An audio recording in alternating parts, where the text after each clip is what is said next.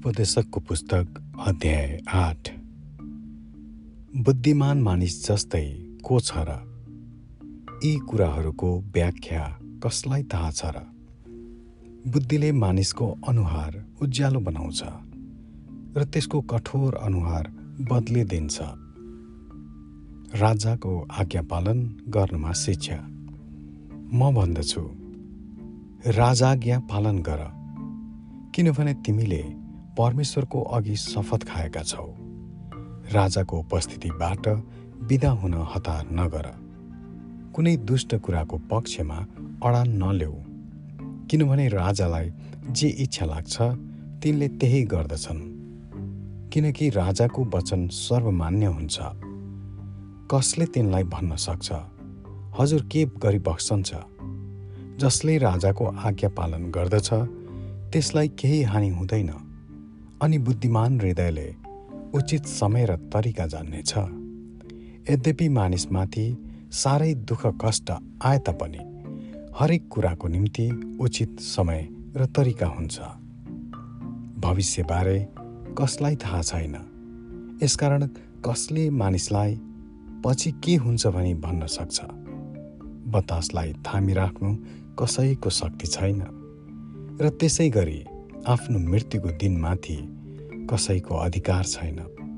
जसरी युद्धको समयमा कसैलाई पनि बिदा हुँदैन त्यसरी नै खराबी गर्नेलाई त्यसले कहिले छोड्ने छैन। सूर्यमुनि गरिएका सबै कुराहरूलाई मैले मन लगाएर हेर्दा यी सबै कुरा देखेँ। अरूमाथि प्रभुत्व गरेर आफैलाई हानि हुने एउटा समय छ तब मैले दुःख गाडिएका पनि देखेँ। तिनीहरू पवित्र स्थानमा आउने जाने गर्थे र यसको निम्ति सहरमा सम्मान लिने गर्थे। यो पनि व्यर्थ हो।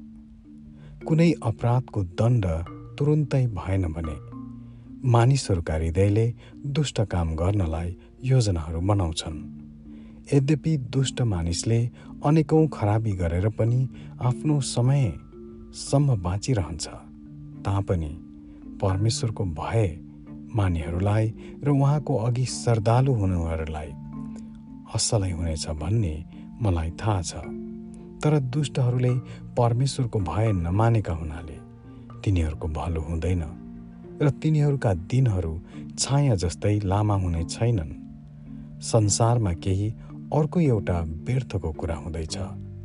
दुष्टले पाउनुपर्ने दण्ड धर्मीले पाउँछ। र धर्मीले पाउनुपर्ने इनाम दुष्टले पाउँछ। म भन्दछु यो पनि व्यर्थ हो। यसैले सुख चयन गरे हुन्छ भने म सल्लाह दिन्छु। किनभने सूर्यमुनि मानिसलाई खानु पिउनु र रमाइलो गर्नुभन्दा अरू असल केही रहेनछ। तब सूर्यमुनि परमेश्वरले दिनुभएको जीवनको अवधिभर त्यसको आफ्नो काममा आनन्द साथ दिनेछ। संसारमा मानिसले आँखा चिम्म नगरी रात दिन नसुती गरेको परिश्रम हेर्न र बुद्धि के हो भनी जान्न तब मैले आफ्नो मन लगाएँ। तब परमेश्वरले गर्नुभएका सबै कुराहरू मैले देखेँ। सूर्यमुनि के हुँदछ? सो कसैले पनि बुझ्न सक्दैन। मानिसले यसलाई खोज्ने सारा प्रयत्न गरे तापनि यी कुराको अर्थ पहिल्याउन सक्दैन। यदि कुनै बुद्धिमान मानिसले म जान्दछु भनी दावी गर्छ भने पनि यथार्थमा त्यसले जानेको हुँदैन। आमेन।